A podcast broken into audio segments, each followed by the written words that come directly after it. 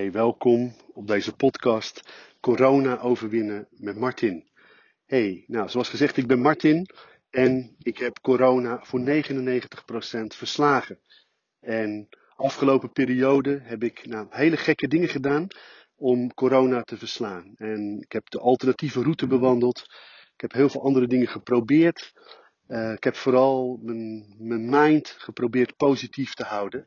En het is me gelukt om uit corona te komen en echt perspectief voor mijn leven te hebben. En wat ik uh, in die periode dat ik zo, uh, nou, dat het zo lastig was en dat ik op bed lag, uh, is er eigenlijk een idee begonnen. Ik dacht, als ik uit corona kom, als ik genees van corona, dan ga ik heel veel mensen ermee helpen. En ik postte pas een, een, een, ja, een bericht op een Facebookpagina met allemaal mensen die corona hebben, langdurige klachten hebben met corona, van corona. En ik kreeg zoveel leuke reacties. Zoveel mensen waren bemoedigd. Zoveel mensen ja, krijgen hoop. En dat is waarom het me te doen is. En dat is ook de reden waarom ik deze podcast ben begonnen. Ik geloof dat het heel belangrijk is dat mensen hoop krijgen. Als we geen hoop hebben, dan heeft ons, ons lichaam, ons leven, ons, ons, ons, ons systeem, heeft eigenlijk geen reden om nog vooruit te kijken. En ik geloof hoop is een transportmiddel. Hoop is iets waardoor we weer naar de toekomst kunnen kijken. En misschien ken je het wel. Dat je ooit in een situatie was dat er uitzichtloosheid was. Ik ken dat. Mijn uh, dochter, mijn middelste kind, ik heb drie kinderen. Die was ooit, nou, toen ze heel jong was, is nu 16. Toen ze twee was, werd er een hele ernstige dodelijke nierziekte bij haar geconstateerd. En ik weet nog die eerste weken dat we dat hoorden. Ja, ik was platgeslagen en ik was helemaal murf geslagen. En ik had geen hoop meer. Ik kon niet meer bij mijn geloof en bij mijn hoop en bij mijn kracht en bij mijn inspiratie komen. En op een gegeven moment merkte ik midden in de nacht een keer dat ik wakker, ik werd wakker en ik werd ook echt wakker. Ik ontwaakte weer, zeg maar, dat ik uh, hoop moest vinden. En ik ben allerlei dingen gaan zoeken, allerlei momenten in mijn leven gaan zoeken waar ik overwinning over had gehaald. En toen begon dat uitzichtloze voor mijn dochter, dat begon plaats te maken voor hoop en hoop voor de toekomst. En uiteindelijk is ze volledig genezen.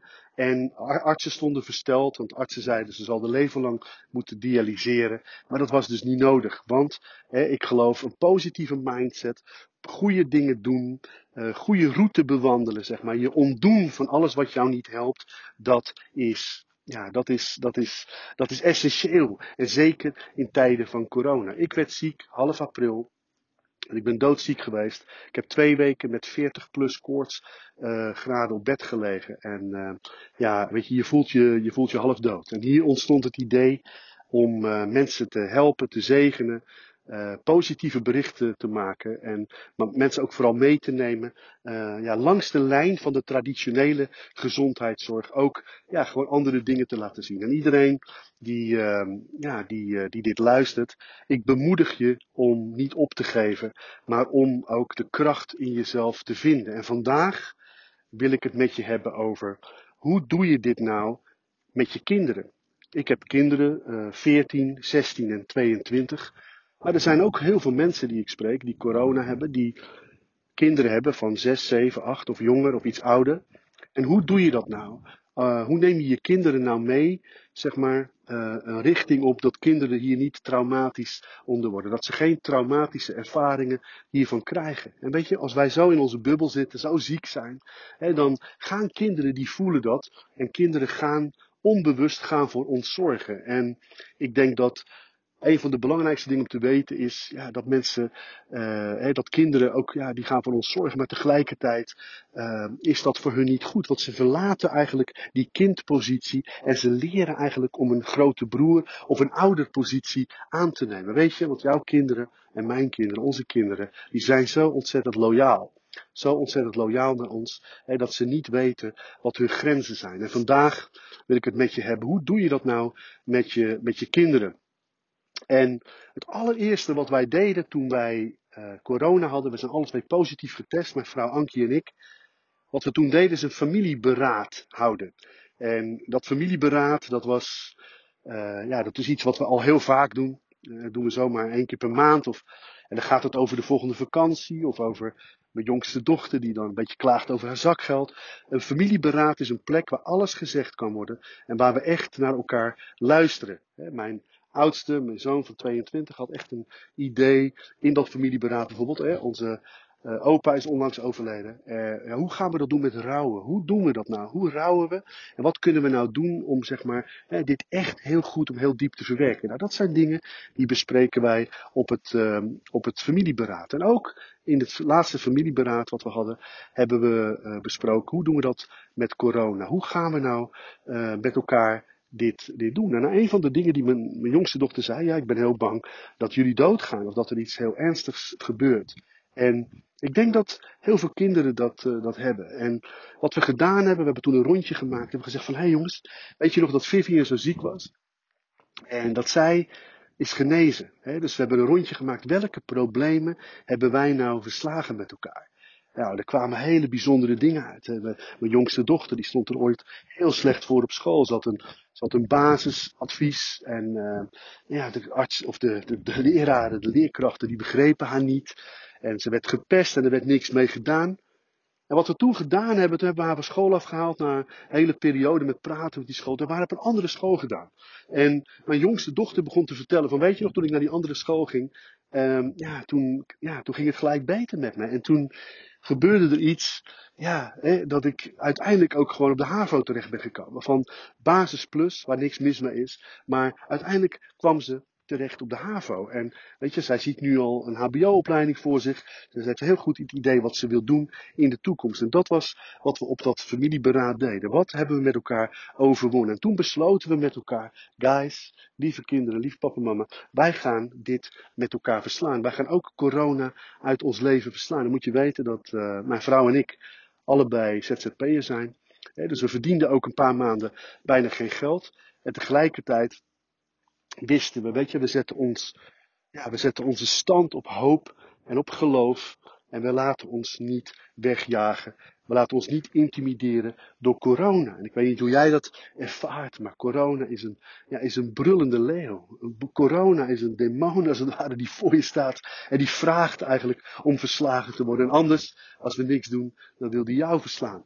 En ik denk dat, dat het belangrijk is met onze kinderen naar dat familieberaad hebben we ook tegen elkaar gezegd van hé, hey, wat zijn jouw positieve eigenschappen? Wat kun jij bijdragen in deze tijd? En nou ja, weet je, we benoemden de positieve eigenschappen. Een van mijn dochters is heel vrijgevig, is heel zorgzaam. Mijn andere dochter kan goed koken. Mijn zoon, die zei ik ga boodschappen doen, ik ga, uh, ik ga dingen regelen, ik ga dingen, alles wat op internet gedaan moet worden. Weet je, en we hadden uiteindelijk heel snel, hadden we alle taken verdeeld. En toen hebben mijn vrouw en ik ook, dat is eigenlijk het tweede punt, was eigenlijk hebben we besloten om te kijken van hé, hey, wat zeggen we tegen onze kinderen wel? Wat vertellen we ze wel en wat vertellen we ze niet? En wat vertellen we ze nou? Wat kunnen we onze kinderen nou wel vertellen? En kijk, onze kinderen zijn al wat ouder, 14, 16 en, en, en 22. En toch hebben we ze niet alles verteld. We hebben ook sommige van onze struggles hebben we voor ons gehouden. En we hebben uiteindelijk hebben we, ja, met elkaar besloten, weet je, wat kunnen we wel en wat kunnen we niet zeggen. En ik geloof het is belangrijk dat je niet al je pijn en al je verdriet aan je kinderen deelt. En ik heb een paar tips voor je um, um, ja, zeg maar, hoe ga je om met je kinderen in een tijd dat jij, of misschien ook wel je partner, ziek bent of dat je ja, psychisch onder druk staat of dat je je baan dreigt te verliezen, als er gewoon problemen zijn. Hoe ga je dan om met je familie? Nou, het eerste wat ik natuurlijk zei is, um, nou, hou een familieberaad. Het is heel belangrijk om uh, met elkaar te spreken. Het tweede, natuurlijk, wat ik net ook zei, is dat hoe uh, versla je je beren? Bespreek met elkaar. Ja, hoe heb je je grote beren al verslagen in je leven? Wat dat doet, is dat je energie krijgt voor datgene ja, wat je nog moet doen. Dat dit is, corona is niet het eerste, ook niet de eerste beer, ook niet de eerste demon die jullie in je leven moeten verslaan, zeg maar. Nou, derde is natuurlijk heel belangrijk dat je een rondje kan maken, wat ik net ook zei, hè, van dat je de sterke kanten van elkaar benoemen. Hey, jij, jij hebt dit heel krachtig. Jij bent getalenteerd in dat. En weet je, kinderen en elkaar en ik zelf ook, wij worden daar enorm door opgebouwd. De vierde eigenlijk is, weet je wel, loop niet te, te, te, te veel op de zaken vooruit. En vertel niet te veel. Pak de leeftijd van je kind als uitgangspunt voor datgene wat je gaat vertellen. Het andere punt is, dat heel belangrijk, is neem je kind en zijn gevoel heel erg serieus. Ja, en daarnaast natuurlijk is het extreem belangrijk dat je ook positief nieuws deelt. Kinderen hebben ook nodig dat er positief, uh, positieve dingen te melden zijn. Weet je, wij, wij zochten kleine dingen in het nieuws, kleine dingen uit de familie, die we konden delen als positief nieuws. Weet je, als we onszelf alleen maar voeden met negatieve dingen, met grote zorgen, nieuwe uitbraken, economische crisis die erger zal worden dan de Tweede Wereldoorlog. Als we de hele dag bezig zijn om dat soort nieuws te verwerken, dan uiteindelijk gaat ons, ons brein gaat dichter. Ons brein, ons systeem gaat reageren naar datgene wat ons brein zegt. We, reageren naar datgene wat we besluiten. Daarom is het ook zo belangrijk dat we positief nieuws uh, ook delen met elkaar. Een ander punt is heel belangrijk ook om je kind vragen te laten stellen. ook al weten we niet alle antwoorden, maar het is belangrijk als een kind vragen stelt, dan weet je ook wat er in een kind omgaat. Nou, het is natuurlijk heel belangrijk ook veiligheid en harmonie en liefde in een gezin is een belangrijke en onmisbare pilaar. In ons gezin is het een van de belangrijkste pilaren, misschien wel de belangrijkste. Liefde, harmonie en veiligheid. En daarom is het zo goed om ook heel vaak tegen elkaar te zeggen: Ik hou van je en ik waardeer je. Ik heb het vroeger heel weinig gehoord, heel eerlijk gezegd, van mijn vader en moeder. En dat heb ik zo lang vergeven. Maar mijn kinderen horen het misschien wat te vaak. Ik zeg meerdere malen per dag tegen ze hoe ontzettend ik ze waardeer. En hoe ongelooflijk veel ik van ze houd. En wij vertelden ook aan onze kinderen, als ze bezorgd waren, nou, vertelden we ook dat niet iedereen doodgaat aan corona. Kinderen hebben soms heel zwart-wit gedachten over doodgaan. Soms hebben ze een verhaal gehoord van iemand die dood is gegaan aan corona. En wij hebben verteld van joh, hey, een klein percentage gaat dood, een groot percentage wordt heel ziek. En er zijn, een, hè, er zijn ook een hele grote groep, is ook een groep die helemaal niks uh, ervaren of heel weinig ervaren. En weet je wel, dus het is, uh, dus hier en daar plukten we wel eens een, een, een, verhaal van internet of van Facebook om mensen gewoon ook, uh, ja, om verhalen te vertellen aan onze kinderen van mensen die ook genezen waren. En wat we ook deden met onze kinderen, dat was zo belangrijk, dat hebben ze ook zo gewaardeerd.